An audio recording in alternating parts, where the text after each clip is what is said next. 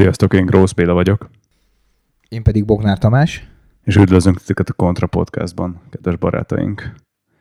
Örömteli híreink vannak, nem csak a szaramlik a világból, hanem jó eredmények is, ugye Tomi?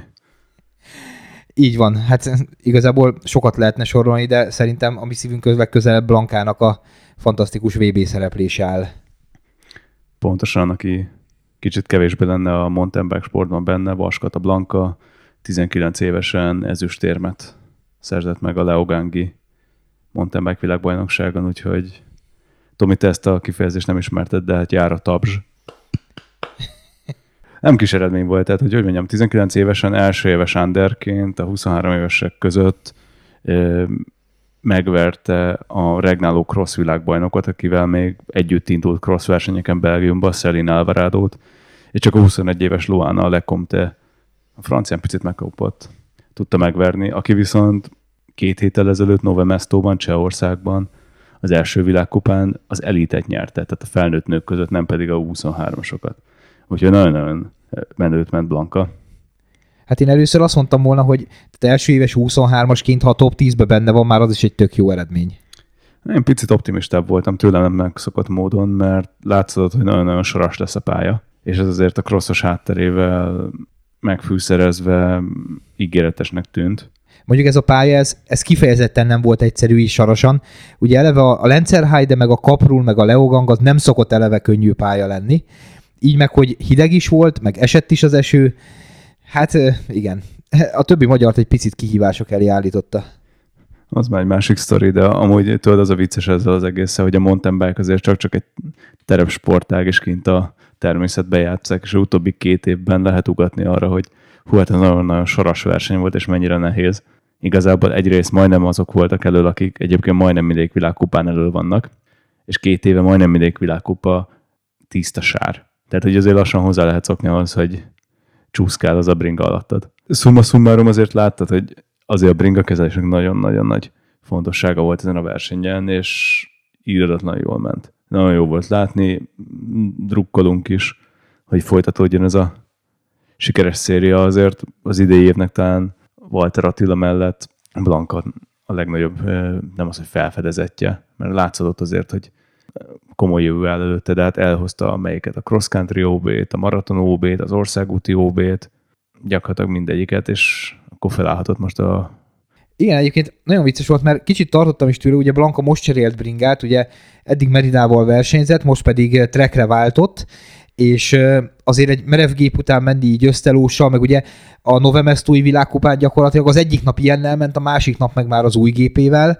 Ezek azért mindig merészváltások, bármennyi, és most nyilván egy, egy Trek Super Kaliber az, tehát ott, ott nem volt, nem hogy minőségi romlás nem volt, tehát hogy nyilván egy kurva jóról egy kurva jóra ülsz át, de akkor is meg kell szoknod egy tök más biciklit. Igen, ez jó, hogy bedobod, mert így utólag én is gondolkoztam rajta, hogy ez azért elég erős dolog. Így három hét alatt van három nagyon komoly verseny, gyakorlatilag lepörög a komplet VB szezon, és első versenyen még mész azzal a bringával, ami- amivel versenyeztél utóbbi másfél évben.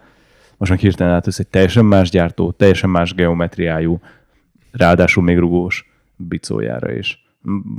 A finom megjegyzés az, hogy orosz rulett volt, de bejött. Igen, tehát nem nagyon szoktak ilyen hirtelen csapatot váltani. Edd- Eddig a hazai Merida csapatnál versenyzett ugye Blanka. Mondhatjuk, hogy születése óta, hiszen gyakorlatilag emlékszünk azokra a csap- csapatfotókra, amin három-négy évesen látható.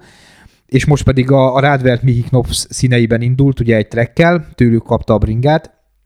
Ez egy éles váltás volt, főleg egy, egy világkupa közben, de úgy látszik, hogy 19-re lapot húzni néha érdemes, mert, mert bejött valószínűleg a bringaváltás is, meg, meg így az egész történet, mert az eredmény őt igazolta.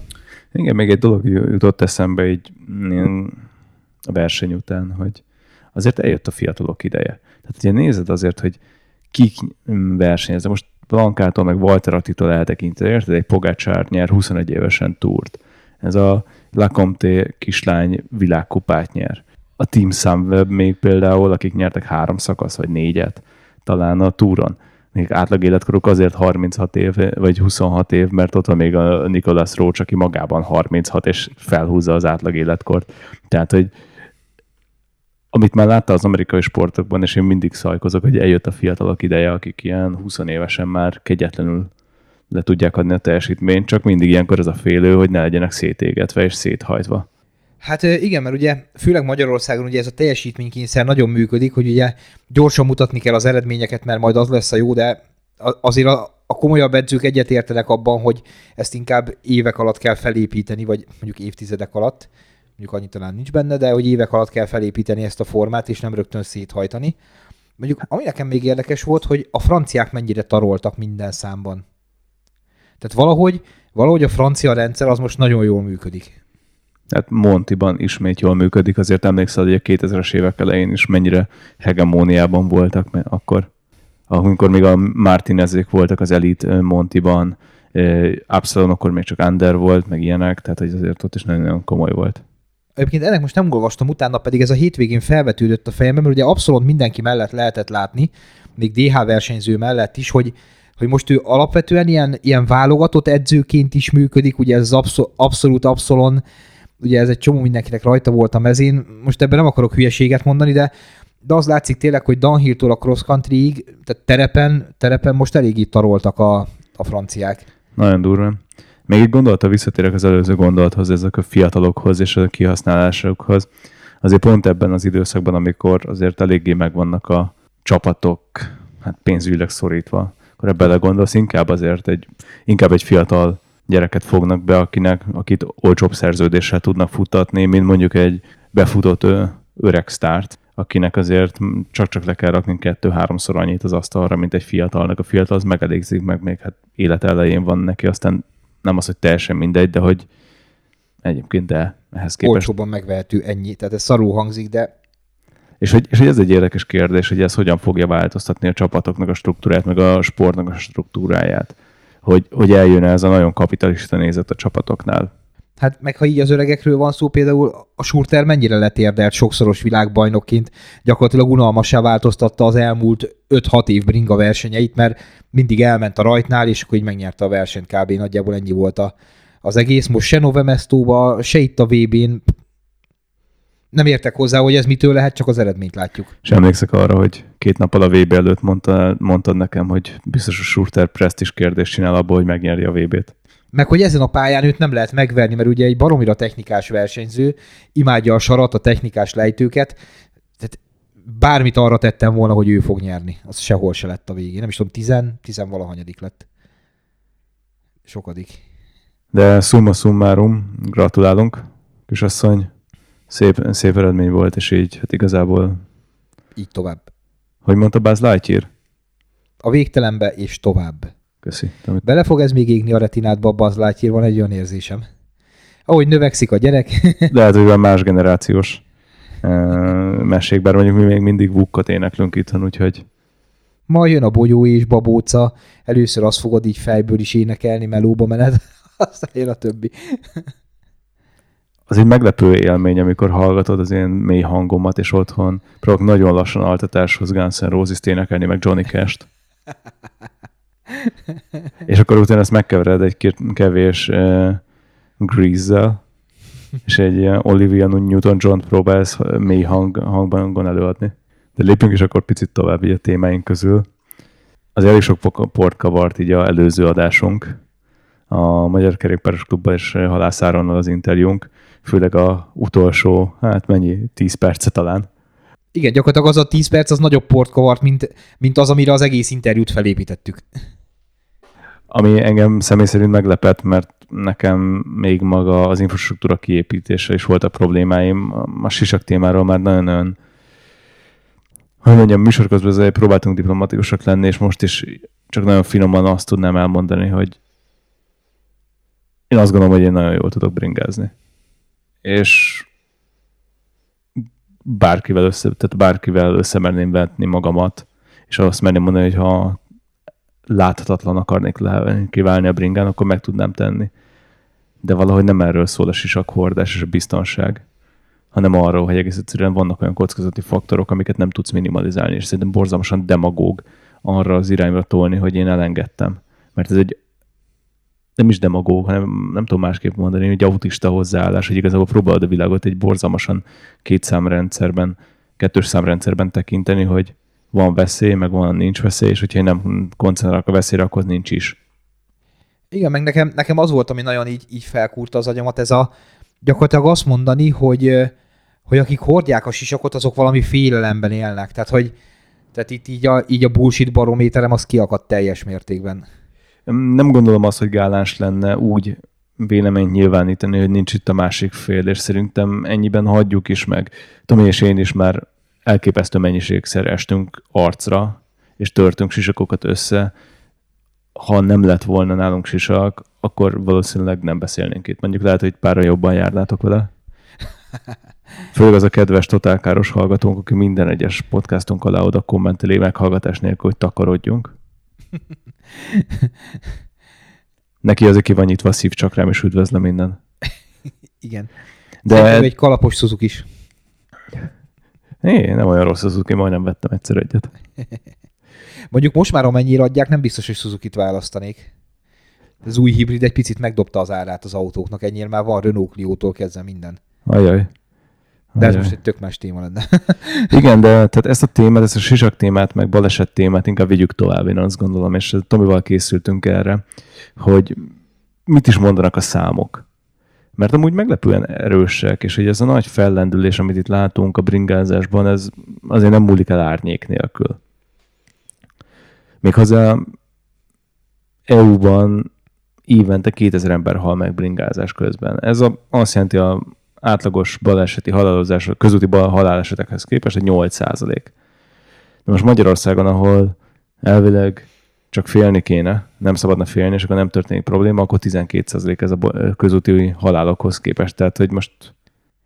Mondjuk az egyik oldalról ugye, ha nézed, akkor egy picit több, mint a 8 százalék, matematikailag meg pont 50 százalékkal több. Pontosan. A másik oldalon az, hogy nyilván hányan közlekednek egyébként kerékpárral a közúti közlekedésben, és mennyien közlekednek autóval. Tehát ehhez képest nem 12% a közlekedik az embereknek bringával. A, ami nagyon-nagyon mókás, hát mókás, most ez eléggé morbid kijelentés volt, de hogy az én bringa paradicsomokban magas ez az arány. Hollandiában 19, Dániában 15, Németországban 12 százalék. Mindezt úgy, hogy Németországban azért egyébként a sisakviselési hajlandóság is magasabb. Mondjuk egy, egy Hollandiához képest. Hát igen, és ezek a nagy idealizált képek, hogy Hollandiában mindenki sisak nélkül bringázik, és mennyire jó ott, és senki nem hal meg, mert maximum a coffee shopig mennek el. Ez nem így van. Uraim, ez, hogy mondjam, teljesen merek ellenkezni. És, és hogy igen, tehát, hogy a magyar adatok akkor lesznek igazán kellemetlenek, amikor azt nézzük, hogy mondjuk 1 millió lakosra 7,4 haláleset jön kerékpáron. Amíg az EU-ban ez csak 4 darab, 1 millió lakosra vetítve. Tehát, hogy ez, ez csak, és ezt kontextusba helyezve, csak olyan államokban rosszabb ez, mint Litvánia, ahol 7,5, és Romániában 8,9. Tehát, hogy értem. Romániában 8,9-en is csodálkozom, hogy csak annyi. Igen, mert a lovaskocsis balesetek nincsenek benne. Egyébként nekem ami nagyon fura volt, én még kommentbe írtam is, hogy száz százalék, hogy, hogy a, a vidéki helyeken több a halálos balesetek száma, ugye, ahol kivilágítatlanul mennek, stb. Tehát azért én, én is megyek át vidéki falvakon melóba menet, és azért ezek a Ghost Riderek nagyon kemények tudnak lenni egy-egy kereszteződésbe, és ehhez képest ugye Budapesten nagyobb a halálozási arány, ahol elvileg azt beszéltük, ugye, és ebben szerintem egyetértettünk a, a, a kerékpáros klubbal, hogy Pesten azért jelentős tömegbiciklizik már láthatóak, vannak bringautak, infrastruktúra, stb. És a számok meg tök nem ezt igazolják. Igen, és ez volt a meglepő, hogy ez a statisztika is ezt húzta alá, hogy gyakorlatilag a kerékpáros halálozások 58% a városi környezetben történik. Tehát, hogy az az érvrendszer, hogy láthatatlannak kell lenni, nem működik. Tehát, hogy te húzod a rövidebbet minden esetben. Ha kilép eléd egy macska, egy gyalogos, hogyha egy autóban valaki SMS-ezik, ha rosszul kereszteded a villamos sineket, és ez most csak négy-öt darab példa volt, amiben te húzod a rövidebbet, és simán tudod hagyni a kanalat. És egyébként tehát a, a, annyira nem szabad ezt ilyen, ilyen el kell engedni a félelmet dolog, mert nem a félelemről van szó, de amikor elkezdtem így, így kvázi hivatásszerűen robogózni, ugye nagy robogó, valami halad is, meg egyebek, akkor ugye a motoros ismerősök egy valamit mondtak, mindenért te húzod a rövidebbet. Tehát te figyeld az ajtónyitást, te figyeld a kimaradó indexet, te figyeld a lelépő gyalogost, a kiszaladó kutyát, stb. De nyilván nem az autós fogja a rövidebbet húzni egy városi forgalomba, és ez a biciklire még hatványozottabban igaz, mert egy még védtelenebb eszköz, mert ugye egy csomó helyzetből egy, egy, még egy robogóval is ki tudsz menekülni egy erősebb gázadással, még azért a biciklinél ez nem így van. Nem, és nagyon hosszú ideig csökkentek azért elég jó ütemben a halálozási számok. Tehát 2007-től 16-ig szépen csökkentek, Magyarországon lement ilyen 150-160-ról 70 darabra, de mivel egyre többen bringáznak, gyakorlatilag 70-75-73 halottról lehet beszélni a közutakon, akik bringa, bringázás vagy azzal egybe hatásaiban halnak meg mondjuk nem tudom, ezt nyilván erre nem is lesz statisztika soha, hogy ez az úgynevezett, általán csak öntudatos bringásnak nevezett réteg, ez me- mekkora százalékáért felelős ezeknek a haláloknak. Tudod, ez a tipikus, aki látja, hogy nem adja meg az autós az elsőbséget, de mivel nekem van elsőbségem, kierőszakolom, meg én már pedig befordulok ott, és tehát, hogy amikor így az ész, észérvek ellen, ellen megy a kerékpáros, pedig hát csak ő tudja a rövidebbet húzni, mert az autó max karcos lesz. Az a veszélyes szerintem a bringában, miről nem esett igazán szó, se az interjúban, meg egymás között sem beszéltünk erről igazán, mert a harmadik részben tartottunk felvilágosítást a sisakokról, Tomi? Hát egész korán, igen, igen, igen. Úgyhogy, ha gondoljátok, a szívesen hallgassátok vissza, Bennett Feri volt benne a szakértőnk, érdemes felelőzni. Kiveséztük a sisak témát elég rendesen. De hogy nekem az jutott eszembe, hogy mi a, bringázásban mi az egy nagyon-nagyon veszélyes, mi a hasonlat? Az, amikor mondjuk az öreg emberek úgy esnek el, hogy nem tudják letompítani ugye az esést, hanem kvázi eldőlnek.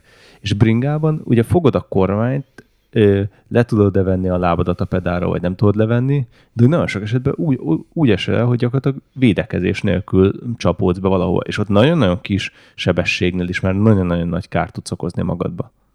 Hát én ugye mindig ezt kommentelem mindenhová, mindig ezt, ezt oktatom a gyerekeknek is, meg minden, hogy nagyobb veszélyben vagy a statikus esésnél, mint amikor, amikor tényleg tehát bringázunk kint az erdőbe, és elesel 30-al mert ott nem lesz egy statikus, nyilván neki lehet menni feljel egy fának, mint volt ugye tavaly, vagy tavaly előtt egy enduro versenyző, aki gyakorlatilag levett így egy fát, nem tudott túlélni, mikor 60-nal neki mész egy álló fának, ami ugye erősebb lesz, de, de alapvetően a bringázások többségénél, ugye én is sokszor estem, te is sokszor estél, mindig valamilyen szinten kigurultuk ugye az esést, ezáltal ugye csökkent az erőhatás. Na most az ilyen, az ilyen oldalra való eldőléseknek életem egyik legnagyobb esése az akkor volt, amikor megvettem a patentpedálomat, ugye, ami a cipővel együtt dokkolódik, és azt szokták mondani, hogy kétféle ember van új patentpedállal, aki már elesett, meg aki elfog. És nekem is volt egy ilyen, már azt hittem, hogy már tök jól megy meg minden, majd egy ilyen megálltam, és elfelejtettem ugye kifordítani a lábam, ki akartam húzni hátulra, mint a Clipsből, és gyakorlatilag álló helyzetbe dőltem egy olyat, hogy azt hittem, hogy ott törik el a kulcsontom. Tehát tehát ezek a statikus esések sokkal nagyobb becsapódási energiával járnak, mint, mint az ösvényen való elesések. Vagy, tehát most tényleg megnézed, országúti versenysportban milyen esések vannak, 70-ekkel, 80-akkal, és igazából egy srác halt meg ugye annak idén, aki lefejelte valami, nem tudom, oszlopot, vagy valami ilyesmit, tehát hogy alapvetően még aszfalton, betonon is nagy tempóval elesnek, és kimozogják, mert egyrészt van rajtuk sisak, másrészt gurulnak, pörögnek, stb. Hát igen, mert egyáltalán nem vagy felkészülve a bukásra, és semennyire nem is csillapítasz, hanem mint egy zsák eldőlsz az egészben. És felkészülésre felkészülésben a műsornak elkezdtem átnézni, tudod, én nagy, nagy szájúan mondtam neked, hogy de, de nagyon sok országban egyébként kötelező a sisak hordás. És tök meglepett, hogy az emlékezeteimmel ellentétesen nagyon-nagyon kevésben. Igen, ezt amikor mondtad nekem előre, akkor én így csodálkoztam, hogy hát így tudtam, alig egy-két ország van, ahol kötelező, de de ezek szerint ez be is igazolódott. És közte az egyik kerékpáros paradicsom, Chile. Ott kötelező sisakban bringázni például. Hát mondjuk nem egy EU-s ország. De egyébként tényleg, tehát vita ide, vita oda, én sem mondom azt, hogy jó ötlet lenne kötelezővé tenni, mert azért belegondolva Tószegi Marika nénibe, aki kerekezik be a gyárba a paraszbiciklivel dolgozni, nem hinném, hogy, hogy felvenne sisakot, vagy, vagy így gyakorlatilag a bringa értékében lehetne kötelezni arra, hogy sisakot vásároljon. De tény, hogy ha meg lehet tenni valamit az ellen, hogy, hogy mondjuk Figyelj. egy esésből komoly probléma legyen. Én ezzel full ellenkeznék. Én abszolút azt gondolom, hogy ez a kerékpározás, ez a közúti közlekedéshez hozzátartozik. És ahogy látszod ott is, és majd rá fogunk térni amúgy, hogy a nagy, nagy, nagy, idézőjeles nagy, ezt majd kifejtem, kerékpáros kutatás, amit a medián végzett, a kerékpárosok 70 valahány százalékának van jogosítványa. Tehát közúti forgalomban vesz részt, amúgy is. Ha közúti forgalomban veszel részt, akkor ennyi erővel tényleg kikapcsolhatnánk amúgy a biztonsági öveket, meg a légzsákokat, meg minden passzív védelmet amúgy magunk körül. Tehát, és, és másik oldalon, mert mi, mi van, hogyha mondjuk csak a te hibádból, te bringás hibádból gázol el egy autó, és te rajtad nincs is, akkor odaveri, és akkor neki kell a szerencsétlen autósnak azzal megbírkozni, hogy megölt valakit, vagy egy életig a kártérítést fizetni, mert te csak szívószából tudod enni a vadast, mert, mert úgy megbénultál. Igen, mondjuk nyilván ennek a másik oldalán meg az áll ugye, hogy a kerékpározásnál azért nem kötelezik szinte sehol a sisakviselésre ugye az embereket, mert ez a legolcsóbb közlekedési forma, és gyakorlatilag ugye, ahogy látjuk egyébként a közvéleménykutatásból, hogy a- az emberek nagy részének 0 és 20 ezer forint közötti kerékpárja van, amitől én azóta is csak így ilyen rángó görcsöt kap a szemem, hiszen 0 és 20 ezer forint között gyakorlatilag maximum egy jófajta pizzát lehet venni, nem kerékpárt. De, de innen látszik, hogy tehát ahhoz képest még egy 5000 forintos sisak is azt mondhatnánk, hogy a bringa árának felét vagy negyedét teszi ki. Ami oké, ez így egy röhelyes, meg nyilván a hallgatóink többsége nem ilyen bringával rendelkezik, de láthatóan a statisztikából ez a realitás, tehát nem, nem olyan egyszerű ez a kérdés, hogy most azt mondják. Persze, ugye a motorozásnál azt mondod, hogy basszus, te tényleg mondjuk elkezdtem robogózni, vettem egy normális bukósisakot, sőt vettem ugye egy nyitottat, meg egy zártat, mert, mert már télen nem annyira jó egy nyitott sisakban lehúzott plexivel közlekedni. Megvettem hozzá izét, a, oké, a legolcsóbb sokszos protektoros ruhát, de vettem alsót, felsőt, stb. kesztyű, bakancs, tehát alsó hangon több mint százat el kellett költeni arra, hogy felöltözzek egy robogóra, mert nyilván nem fog gumipapucs, gumipapucs rövidgatya kombóba motorozni, bár sokan megteszik. Tehát ott, ott, ott ugye ilyen normálisnak vesszük ezt, hogy ezt az lóvét el kell költened akkor is, ha mondjuk egy 100 000 forintos robogód van, még a biciklin meg egy ilyen istentől elrugaszkodott dolognak tekintjük azt, hogy valaki mondjuk a Decathlonba 5000 ér vegyen magának egy sisakot. Hogyha most azt mondom, hogy 5000 forint sok pénz, akkor azért megint relativizálni tudjuk, hogy mondjuk mennyit hagysz ott a munkahelyen, csak a kávés bökrébe egy héten. Uh, ne firtassuk. ne firtassuk. Ezek mindig nagyon-nagyon relatív kérdésekké válnak, hogy egyébként a saját életed védelmében mennyit vagy hajlandó kiadni, mennyit nem, ez hogyan éled meg. Aztán utána egy ilyen szabadságharcot vívni azért, hogy már pedig, már pedig engem megillet az, hogy sisak nélkül kerékpározhassak. Persze, hogy megillet, de nem biztos, hogy örülni fogsz neki, amikor majd a statisztikát a rossz oldalról fogod gazdagítani. Igen, igen. És hogyha már említettük félig, és már spoilereztünk is a kerékpáros kutatásban, a Mediának és a Magyar Kerékpáros Klubnak volt egy hete talán, vagy egy pár napja jelent meg a, egy újabb hogyan kerékpározik a magyar kutatása, ami reprezentatív 3000 online megkérdezettel büszkélkedhet. Hát nekem itt, itt szintén mindig remegni szokott a szemem, ugye azért mi a Bike meg csináltunk olyan közvéleménykutatást, amit tizenezrek töltöttek ki. Tehát nálam azért ez az országosan 3000, tehát nyilván statisztikailag ez egy reprezentatív kutatás. Ezzel nem lehet vitatkozni, ez olyan, mint az aranylemez, meg van határozva egy szám országosan, azt tetszik, nem tetszik, ez van. Nyilván, ha már egy benzinkúton vagy egy Tesco-ba tud, meg tudod jelentetni a lemezedet, már alapból aranylemezes vagy, csak azért, mert feltöltik a polcokat. De én igazából, tehát ha most megnézzük azt, hogy 3000 bringás kérdeztek meg az egész országba, az így a vicc kategória nekem egyébként. Hát nekem metodikailag is problémás, ugye, hogy csak online volt megkérdezve, az azért egy elég komoly réteget kihagy amúgy a, hát hogy mondjam, a magyarországi kerékpár felhasználók köreibe. Egyébként tök fura, mert szerintem két réteget is kihagy, tehát kihagyja egyrészt az idősebbeket, akik, akikhez nyilván vagy el sem jut, vagy nem töltik ki egyebek, meg szerintem kihagyja azokat a fiatalokat is, akik tehát nem fognak nekiállni egy kérdőív kitöltögetésének. Igen, és amúgy pont, hogy mondod az időseket, ugye a kutatásra egyrészt mondja, azt mondja, hogy a legtöbben ugye a 18-29 éves korosztályból bringáznak, sokker, tehát ez óriási meglepés, a legkevesebben a 60 éve idősebbek közül. Tehát hogy ez is egy óriási nagy megállapítás volt ebben. Viszont, és itt akkor visszacsatolok a fenti halálozási statisztikára, hogy amúgy meg a halálozásoknak nagy részét pont a 60 évben felüliek teszik ki, ők a legveszélyeztetettebbek az egészben. De ha nem kérdezzük meg, és csak egy ilyen kutatás van, akkor az azért eléggé kihagyja őket a buliból. Igen, meg ugye ezek mindig olyanok ezek a kutatások, hogy honnan akarom nézni az adatait, tehát hogy nagyjából bármit bele lehet magyarázni. Az volt így a nagy konklúzió, hogy ugye nőtt a kerékpárt rendszeresen használók száma, és akik használják, azoknak nagyon fontos az infrastruktúra. De hát igazából az előző podcastunk első 50 percében gyakorlatilag erről beszéltünk, hogy az infrastruktúra és a fél, hát nem is a félem nélküliség, mert nem akarok erre rátérni, de a, maga az, hogy tudjál biztonságban bringázni, zavartalanul, az egy sarkatos kérdése a városi bringázásnak, és itt nem csak a biztonság, de maga a folyékonyan is, és megszakítás nélküliség.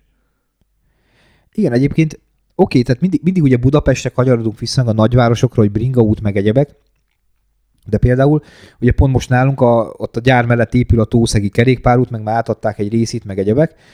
Tehát, hogy olyan szinten megnövekedett az autóforgalom, hogy egy, egy olyan kvázi alsórendű út, amin, amin tényleg, tehát az elmúlt 30 évben mondjuk gond nélkül lehetett kiengedni a gyereket is bringázni, most ott 90-nel tempomattal tépnek el a kamionok, anélkül, hogy egy kanyarba lassítanának néha van ott egy ilyen, van ott egy ilyen nagy eskanyar, úgy jön a kamion, hogy tehát konkrétan nem hiszem el, hogy a fizika nem hat rá. Tehát, hogy nem, tehát ez a, ez a speedzónos, izé, ez a sose vedd el. Tehát, hogy olyan tempókat nyomnak az autósok ezeken az alsórendű utakon, hogy, hogy én már nem merném bringázásra használni, szoktam menni ott a környéken edzőkört, ilyen szerintem a hallgatók nagy része által nem is ismert falvakon keresztül, és brutál forgalom van, és, és ez nem csak a városokra jellemző ma már. Érdekes volt. Nekem három kis grafikon maradt égetben nagyon a kis memóriámba, amit nem teljesen tudtam hova rakni. Egyrészt egy miért kérdezik, másrészt meg az eredmény, és ezen akarnék veled titeket, kedves hallgatók, így elkalauzolni, hogy egyrészt mi a bánat tért kell pártpreferenciát megkérdezni egy ilyen bringás kutatásban? Hogy melyik kormánypárti, ki a kormánypárti, ki ellenzéki, és hogy hogyan használja a bringáját. Tehát, hogy milyen korrelációt próbálunk ebben felfedezni. Tehát kicsit olyan, mint az ilyen amcsiba, hogy akinek monster truckja van és déli zászlója, az biztos republikánus, hogy mit gondolunk? Igen, ezt így fura nem értettem, mert, mert mit szűrsz le belőle, hogy a szélső jobboldali fixis diákok, vagy, vagy hogy, így, hogy így mit, tehát hogy mi köze van annak, hogy ki milyen pártal szimpatizál, vagy nem szimpatizál annak, hogy hogyan közlekedik, mivel az mennyibe került, meg ilyenek, tehát hogy meg eleve, tehát én nekem, amiben bármilyen politikát belevonnak, az onnantól bűzlik messziről. Ráadásul megint csak elkezdjük erőltetni itt ezt az ellentétet, ezt a, a városi Igen. közlekedésben, amikor pontosan egy koherens egészet kellene alkotnunk, mint kerékpárosok, és nem innen firtatni, hogy tehát, hogy legalább legyen már egy sport, meg egy közlekedési eszköz pártfüggetlen, de ennyi erővel egyébként elkezdhetnénk nézegetni, Tomi, mit szólnál hozzá a BKK-t, a trollin egyébként milyen párt hova tartozással használják. Hát meg arról nem beszélve, hogy ugye az Áron is elmondta, és meg is lepődtem kicsit, hogy igazából személyi függő az, hogy a bringázást segítik egy nagyvárosban, vagy nem. Mert ugye hiába volt tarlós a polgármester, akit ugye mindenki úgy címkézett meg, hogy kerékpár ellenes, de amíg ugye Vitézi Dávid volt az ő embere, addig ez tök jól működött. Tehát, hogy hogy baromira nem a pártoktól függ igazából ez, hanem hogy van-e ott olyan épkézláb ember, aki érti, megérti, meg tudja értetni ezeket a dolgokat a szakértőkkel, a, a döntéshozókkal, tehát, tehát szerintem az országban baromira sok minden párt preferenciák alapján dől el, de talán pont ez nem az. Nem is értettem, hogyan került bele egyébként a kérdőívbe. Teljesen nonsensnek tartom, ráadásul most 3000 embert megkérdezni erről. Ja hogy mondjam, érdekes és közepesen félrevezető tud lenni. Mondjuk legalább ennyire volt vicces az, hogy ugye növekedett a kerékpározók száma, viszont csökkent a kerékpárral rendelkezők száma. De az hogy? Nem tudom, ugye főleg úgy, ugye először arra gondoltam, hogy biztos, mert ugye a bubi közösségi kerékpár, stb. Na de hát tudjuk most már az utó, legutóbbi idők cikkeiből, hogy a bubi az gyakorlatilag egy ilyen gazdasági melléfogás volt, mert, mert szinte ingyen sem használta senki. Tehát nem tudom, hogy hogy lehet egyre több bringás, egyre kevesebb kerékpárral. Igen, ez egy ilyen biztos valami fekete luk tátonghat itt a kerékpárokkal, amiért ez így bekövetkezik. Ezt én sem tudtam értelmezni. Egyre többen bringáznak, de nem rendelkeznek kerékpárral. Akkor mi történik? A bubira láttuk, aki, ahogy mondtad, a kihasználtsági számokat, hogy nevetségesek, gyakorlatilag két naponta mozdul meg egy-egy bubi. Igen, igen. Hát lehet, hogy úgy van, hogy hogy van egy délelőtös, meg egy délutános barát, és akkor a délelőtös bemegy dolgozni biciklivel, és akkor a délutános hazajön vele, majd nem tudom. Jaj, mint tudod, a, nemzetközi endurance sorozat, a Le, a Le, Mans, Le Mans 24 órás, hogy ilyen felváltva használják. Igen, igen, igen. Családi bringa program, és a... Mondjuk tehát egy logikus lenne, hogyha, mit tudom én, mondjuk én is, nekem is mondjuk öt évvel ezelőtt volt öt biciklim, most meg egy van, tehát hogy maximum ilyen tekintetben tudnám, de nem hiszem, hogy egyébként a, az átlagos bringázók egynél több kerékpárt tulajdonoltak az utóbbi időkben is. És téged hányszor kérdeztek meg kutatásban? Hát engem egyszer se. De akkor a te öt bringád az majdnem tök mindegy, hogy 5 vagy 15 vagy egy. Igen. Szóval ezt, ezt én nem tudtam értelmezni, ez a kerékpár csökkenést, és erre egy finom tovább fejtegetés a számoknak azért nem ártott volna.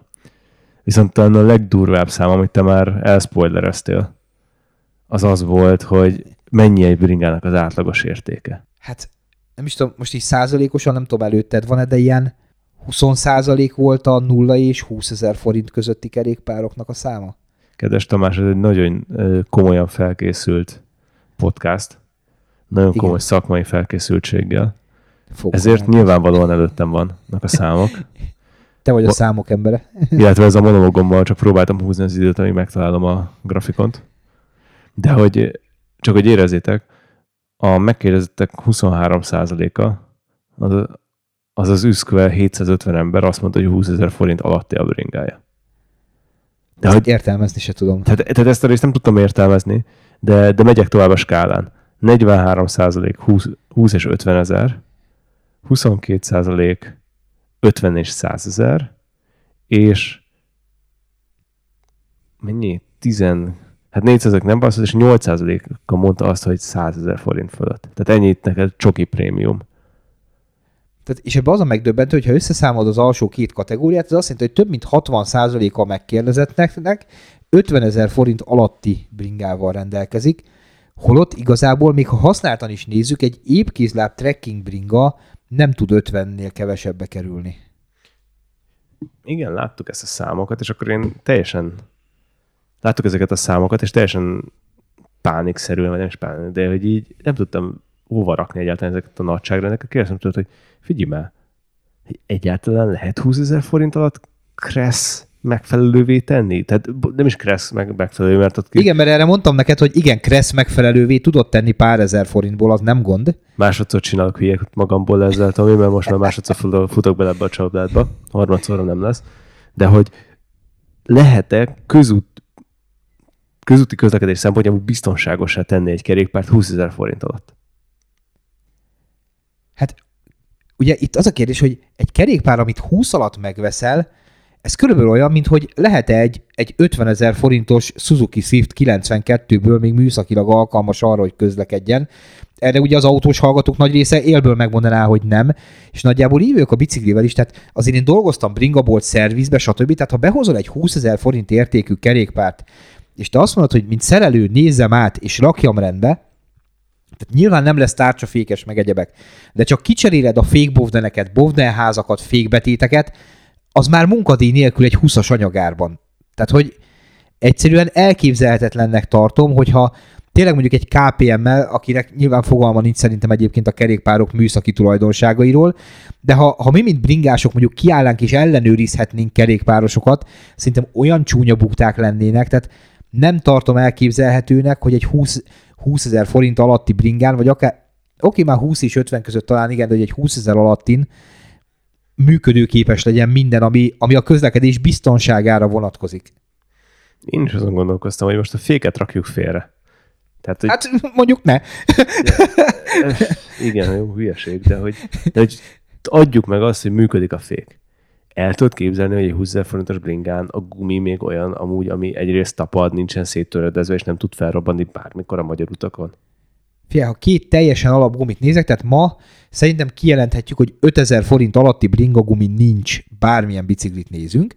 Tehát ha kicserélem rajta a két gumit, meg a két belsőt, tehát ilyen 600-700 alatt nincs már belső sem. Tehát az azt jelenti, hogy mondjuk ilyen 16-17 ezer forint csak anyagárban a történet, és két külső csere, oké, ha a boltba veszed ingyen kicserélik, de akkor is a bringa értékével megegyező. Pedig nem nagyon cserélik ki a boltok, és nagyon ajánlom, hogy ne cseréljék ki ingyen, mert abból fognak egy idő után megélni, hogy szervizelnek jó pénzért, ezt csak úgy mondom. Nagyon meredek. Tehát, hogy két harm, tehát igen, másképp mondom.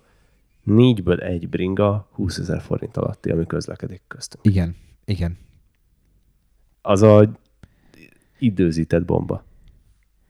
És kíváncsi lennék, hogy hány autós hallgató jut el idáig, mert ugye a többsége már akkor, amikor megjelenik a Totálkárna a cikk bekommenteli alá, hogy anyátokat már megint kerékpáros szarval itt a autósok között, pedig igazából azért sok rész nekik is szólna ezekből egyébként, de kíváncsi, kíváncsi lennék, hogy aki ezt így végighallgatja idáig, az kommentelje már be, hogy, hogy így mit gondol erről. Tehát mi kerékpárosként sem tartjuk reálisnak azt, hogy egy 20 ezer alatti bicikli az műszakilag megfelelő legyen. Hát és ilyen szempontból nyilván durva azt mondani, hogy vegyél még hozzá egy 5000 forintos sisakot. Persze, hogyha 20 ezer forint alatti a bringád, akkor egy negyedét teszik ki csak a sisak. Ezt megértem, de hogy lássuk be, hogy ez nem egy teljesen normális dolog, és nem arról volt itt szó, hogy a Juva munkába járós bringád mennyibe kerül, hanem úgy unblock mennyibe kerül a te bicód. Igen, ugye itt nem volt, nem volt külön választva, hogy, hogy most munkába járós, edzés, csak a boltba megyek le, stb. Itt ezt a 3000 embert, akit megkérdezték, annak a 23 vagy hány százaléka az ilyennel rendelkezik. És tudod, és nyilván itt egy picikét azért most megrebegett itt a szemöldököm ezeket a számokat látva, és ugye nyilván megkapjuk azokat a kommenteket, meg, hogy mondjam, igyekszünk azért a szakszerűség mellett kellően mainstream és szórakoztóak lenni, hogy ne csak a teljesen high level bringákat nyomassuk rátok. Mert, mert nyilván nekünk is ezzel volt a problémánk a médiában, hogy azért, mert egy 5 milliós bicót valaki bemutat, az nem jelenti azt, hogy egyébként abból valaki is vásárolna valamennyit. De hogy mindig is azt mondtuk, hogy ilyen 3-4-500 ezer forintért már tök jó bicokat lehet kapni. De hát ez még mindig a 15-szöröse ezeknek igen, az áraknak. Igen. És, és ebből az látszik, hogy a, a Magyar Bringa Park háromnegyede az gyakorlatilag az ilyen 300 ezerek említése láttán még a, még a számegyenesen sem tudja elhelyezni ezeket a bringákat. Tehát most igazából vagy nekünk kéne paradigmát váltani, és olyan biciklikről beszélni, amiket igazából nem is ismerünk, vagy, vagy nem is tudom, tehát... Hát 300 ezer forintért egyébként, és akkor nagyon nagy csavar, de a legtöbben tényleg akkor autót néznek, hogy ennyibe kerül a bringa. Igen, igen, igen. Na jó, de itt azért bejönne az a szár, hogy 300 ezerért milyen autót tudsz venni, ami minek felel meg. Pont most olvastam, hogy volt valami, valami ilyen KPM-mel közös nagy razia az országban, ahol ugye nem büntettek, de ugye vizsgálták az autóknak az állapotát, és azt hiszem, hogy minden második vagy minden harmadik autóban voltak olyan kifogásolni valók, amiért igazából így a rendszámot le lehetne venni róla. Tehát most ha csak megnézzük így a környezetvédelmi normák teljesítését. Pont ezen röhögtünk, hogy szombaton mentünk autóval ide-oda a Dunakeszi belváros, stb. És gyakorlatilag négy-öt olyan autót mellőztünk el, amiből ömlött a füst. Tehát, hogy tehát az nem, hogy nem valószínű, hogy teljesített bármilyen normát, hanem arról így menet közben kellett volna lerúgni a rendszámot, és kivenni a kulcsot, és eldobni rohadt messzire. És, és ezek szerint nem verhetjük a mellünket bringásként sem, mert ezek szerint sok ehhez hasonló bringa mászkál az utakon. Tehát ez volt az a szám, ami a legjobban megrázott minket. És még, én még mai napig nem tudom hova rakni, hogy 20 ezer forint alatti a bringák nagy része, és kétharmada meg 50 ezer forint alattiak. És akkor ilyet már nem ismerek pedzegetni sem, hogy vajon hány halálos baleset tehát lehetett volna megelőzni vagy csökkenteni a, a súlyosságát azzal, ha mondjuk tud húzni egy rendes féket? No, ez, a, ez a nagyon demagóg lenne azt mondani, hogy mennyit ér az ember élet. Igen, igen, igen. Tudod, annyira kell sisakot venni, amennyit a fejed ér. az a legdemagógabb duma, duma, amit lehet mondani. Az a baj, nekem annyira kell sisakot venni, amelyikből belefér a fejem. Ezzel én is így vagyok. Az én klasszik sisak problémám. Viszont ezen lépjünk túl, ezen eléggé aktuális hír, és nem, nem készültünk erre a műsor előtt, de hogy megszűnik a bubi. Neked mi erről a véleményed, Tomi? Illetve ebben a formája beszűnik meg a bubi. Végre? tehát nem, nem tudom, de tényleg, tehát amikor kiírták annó, meg is lepődtem, hogy ez 2014-ben volt, tehát ez már egy igazán régi történet. Annak idén még ott voltam a sajtótájékoztatón is, mikor kiírták ugye ezt a azt hiszem, hogy lehet, hogy már a név akkor is Bubi volt, hogy Bubi Tender, tehát hogy pályázni lehetett ilyen közbringákra, stb. stb. Tehát, hogy ki az, aki legyártja, meg egyebek hogy ú, végre lesz valami rohadt jó dolog, lesz egy közbringa, bármikor fogod, bejössz, izi agglomerációból, kibérlet, bringázol, stb. Aztán, amikor így megláttuk az első végtermékeket, így a, a 20x kilós súlyával, meg a tömörgumiaival, meg egyebek, akkor így értetlenül néztünk, bár ugye vannak olyanok, akik fölmentek vele dobogókőre, meg nem tudom én hova, tehát sokan kihívásnak tekintették ugye ezeket a bicikliket, de de ha jártál már más nagyvárosban, nyilván lehet találni ugyanilyeneket, de azért a legtöbb helyen elektromos bringákat lehet közbringaként használni, vagy, vagy egyszerűen sokkal épkézlábabb bringákat, mint ezek. Nekem, ami meglepő volt ebbe a hírbe, mert mondjam, azért a színfalak mögött már elég régóta lehet hallani, hogy nem csak kihasználtságában van probléma, de ezáltal ugye a gazdaságosságában is a komplet bubi rendszernek, hogy egyrészt csökkenni fog a bringák száma, a mostani 2000 valamennyi helyet lesz 1200 bicó forgalomba állítva. Majdnem a fele. Viszont az óriási upgrade, egyrészt, hogy hat éves bicókról beszélünk. Hat éve nem változtak semmit ezek a bicók, azóta szarok és irányítatlanok. De most a következő upgrade egy igazán átgondolt lesz, nem lesz elektromos városi bringázásra nem is értem, hogy miközben, miközben nyomatjuk, ugye lassan kijön a, a mindenki számára elérhető elektromos bringa támogatási pályázat, meg minden. A közbringák maradjanak jó kis 20 kilós izék, förmedvények, tehát hogy és, és igazából ezzel a súlyjal semmi gond nem lenne egyébként, ha lenne benne egy elektromos meghajtás. Igen, a súlynál te arra gondolsz, ugye, hogy a pályázatban továbbra is, hogyha 19 kilónál nehezebb, akkor nem ö, a, könnyebb, akkor azért nem kap pluszpontokat a pályázat szerint. Tehát Igen. lehet továbbra is ezeket az ilyen kegyetlen nehéz förmedvényekre számítani. Igen, tehát hiába, hiába adna be valaki egy jó kis 18 kilós trekking bringa ötletet, ami tényleg megfelel ezeknek a követelményeknek, semmivel nem indulna előnyből azokhoz képest, akik mondjuk ezt 25 kilóban képzelik el, és nyilván a két biciklit nem tud ugyanabból az árból kihozni. És vajon egy tende, tenderen melyik fog nyerni? Vajon a drágább vagy az olcsóbb? Mondjuk jó, ha haver csinálja a drágábbat, akkor az egy másik történet itthon, de... Nem tudunk ez a az ön túl sokat még hozzátenni, mert kellően új a hír, viszont nem akartuk nem megemlíteni az aktualitását fogva, mert ez a bubi, hogy mondjam, mindkettőnknek egy ilyen kellemetlen pont, ugyanis tök jól is lehetne csinálni, Igen. meg nagyon nem csak a turizmuson, de a városi közlekedésen is nagyon sokat tudna segíteni, de valahogy mégis hogy úgy el van cseszve, ahogy kell, és semmi javulás nem látszik ebben. Tehát egy ilyen nagyon durva hátrezetet lehet, kellene nyomni a komplet gondolaton, lehet, hogy kisebb parkkal, sokkal magasabb kihasználtsággal teljesen újra gondolni az egész témát, mert így pont szar se fog érni, csak rohadni fognak a bringák. Én, én még ilyenkor mindig egy kicsit így azon gondolkozok, hogy tehát nem kell feltalálni újra a spanyol viaszt. Nyilván valamennyire kell a magyar viszonyokhoz igazítani a dolgot, de nézzük meg, hogy Európa nagyvárosaiba milyenek vannak, hogy működnek. Azért ezek alapvetően átlátható, tehát nem üzleti titkok ezeknek az üzemeltetései, hiszen közérdekű adatok, stb. Tehát, hogy miért nem lehet ilyenkor kicsit kinyitni az ablakot, és így átnézni a szomszédba? Lépjünk ezzel inkább tovább, és sokkal kellemesebb, vagy inkább, hogy mondjam, szórakoztatóbb témává, Tom, és így a, Kicsit, a mai műsorunk egy kicsit ilyen híregyveleggé válunk, olyanok lettünk, mint a tények. Bankával kezdtük, és így keretbe foglaljuk az adásunkat a világbajnoksággal, ugyanis két nappal a világbajnokság elkezdése előtt, vagy egy nappal megjelent a kerékpáros sajtóban, hogy magyarokat zártak ki a világbajnokság egyik betét futamára az elektromos bringa világbajnokságról. Ezzel nekem eleve több problémám van, és ebben ez a fura, hogy nekem, mint, mint e-bike gyártásban résztvevő embernek, meg e-bike támogatónak és fanatikusnak, hogy szerintem egy világbajnokságon pont semmi keresni valója nincs egyébként az elektromos kerékpárnak. Nyilván értem az üzleti modellt, reklámozni kell ezeket is, a gyártók meg akarnak jelenni itt is, de semmi keresni valója egy elektromos bringának egy világbajnokságon. Én sem tudom értelmezni ezt az egészet, hogy hogyan lehet a versenyegyenlőséget garantálni. Amúgy egy olyan motornál, amiben a versenykírásban is az, hogy 5%-nyi tolerancia van a motor teljesítményben. 5%, amikor a versenyzőknél, hogyha arról beszélsz, hogy 5%-nyi teljesítménykülönbség van, az súlyos percek egy hegyen.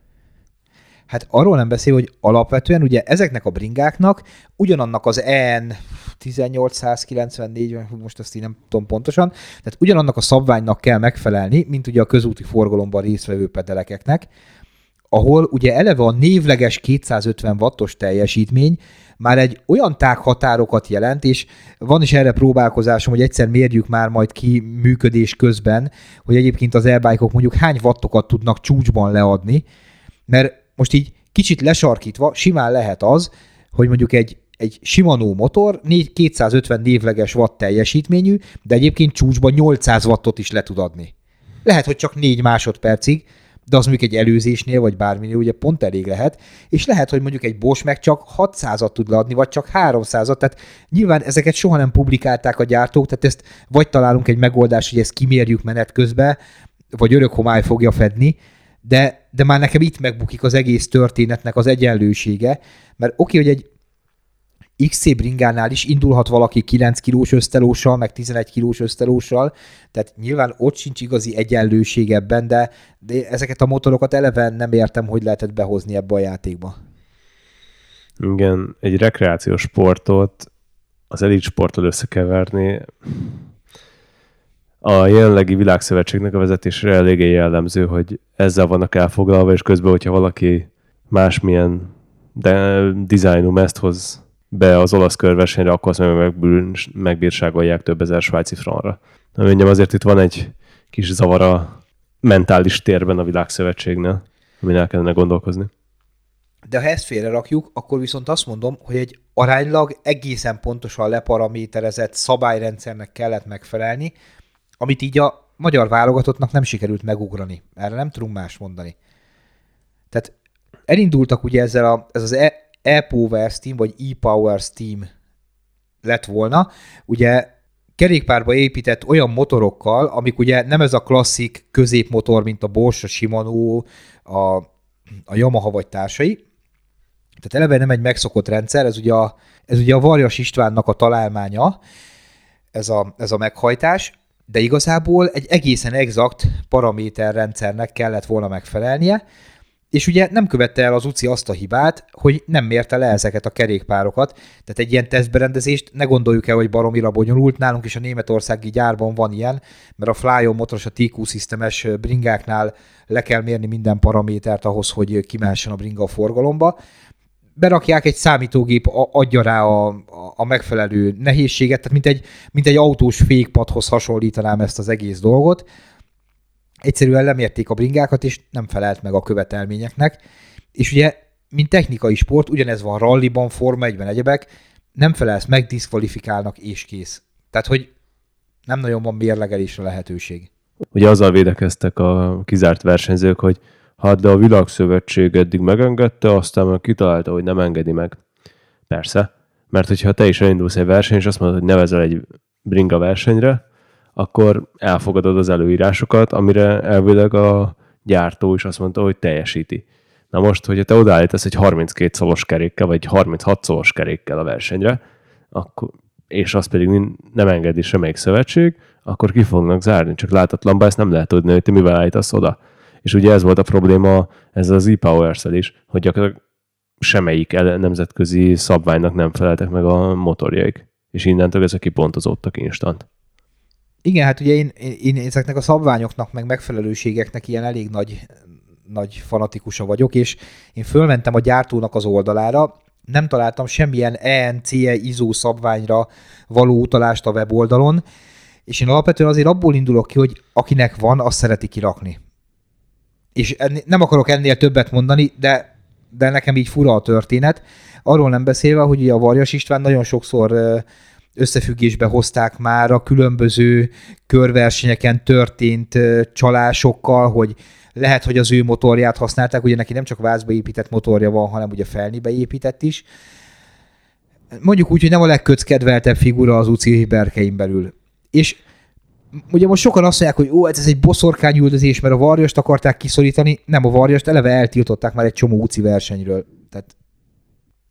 Ha kimész egy világversenyre, akkor érdemes azért előre képbe kerülni a szabályokkal, mert amúgy egy ilyen nagyon-nagyon kellemetlen és pikírt helyzet állhat elő, mint ami itt történt, de hála, hála Istennek nem erre fogunk emlékezni a világbajnokságról. Hogy mondjam, nekem lepergett azért az életem filmje magam előtt, amikor megettem, azt mondom, oh, világbajnokság, és ez az egyetlen magyar hír rólunk. Fuck. A legérdekesebb része az volt ennek, hogy ugye az a Tom- Thomas Pitcock nyerte a, az e-bike versenyt is, aki egyébként utána U23-ban normál hegyi kerékpárral is világbajnok lett, és pont ezt beszéltük a, a Szilasi Lacival így chatben, hogy valószínűleg ő egyfajta pályabejárásra használta ezt, a, ezt az e-bike versenyszámot, hiszen ő annyival több kört tehetett meg a pályán versenykörülmények között. Jó, azért Pitcock nem egy teljesen dilettáns gyerek. Ő előtte első éves, hát most azt gondolok, nem, ő még 23-as, nyert három szakaszt a, B, a Baby Giron, és megnyerte az összetettet, utána elment az elit férfi világbajnokságra, mivel nem volt underfutam, és ott benne volt a, hát az utolsó elit csoportban, utána elment egy picit himpli-hamplizni ott a világkupákra Novemestóba, és akkor itt most leakasztott még egy világbajnoki címet magának eh, Leogánkba, majd jövőre már a Ineosba fog tekerni World Tourba. Na innen látszik, hogy te mennyivel felkészültebb vagy versenyzőből. Én, én igazából csodálkoztam, hogy, hogy ki ő. Ki ez a gyerek, és mennyire vicces neve, hogy benne, hogy kok. Nem, viszont a Specialized-nak meg egy baromi jó reklám volt, hiszen a Turbo Levo nyergében nyerte az e futamot, ugye ezt lehozta az összes újság, stb. Tehát, tehát nyilván reklám szempontból baromi jó az e világbajnokság, csak a sportértékét nem értjük. Hát csak helyen nincs, ebben meg tudunk egyezni. Igen, igen, igen. Tehát azt mondom, hogy oké, okay, tehát még egy, egy, egy bükk maratonon, vagy most majdnem Szilvás Máradot, vagy Dunát mondtam, amik már megszűntek. Tehát igazából egy, egy maratonversenyen simán azt mondom, hogy van helye egy e kategóriának, bár én a díjazást ott is elfelejteném, kapjon egy finisher érmet és ennyi, de, de egy világbajnokság, ami tényleg a versenyzés elitje, mm. mondjuk azért az látszott is, hogy tehát nem indultak rajta dagat hobbisták, és nem nyertek rajta dagat hobbisták. Tehát nyilván azok a versenyzők indultak el rajta, akik egyébként is rajthoz álltak a hétvégén a, az 23-as elit, vagy junior, vagy bármelyik futamon. Elég széles spektrumot jártunk be itt a megműsorunk sajnos elég fura, hogy nem volt egy ilyen kimondott tematikánk, de, de annyi minden történt az utóbbi egy héten, hogy így ezt egyikünk se akarta pallagon hagyni. És még simán lehet, hogy a héten befejezik a Giro d'Italiát is a sok Covid pozitív teszt miatt, meg a, meg a távozó csapatok miatt.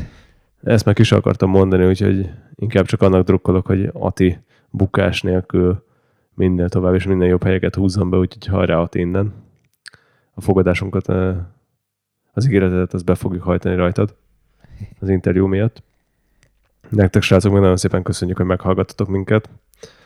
Köszönjük szépen szokás szerint a Patreonos támogatóinknak, és akik egyre szépen szebben gyűlnek menők vagytok, és jövő héten meg akkor újra találkozunk. Addig meg igyekezzetek egy picit bringázni ebbe a szar és esős időbe. Sziasztok! Sziasztok!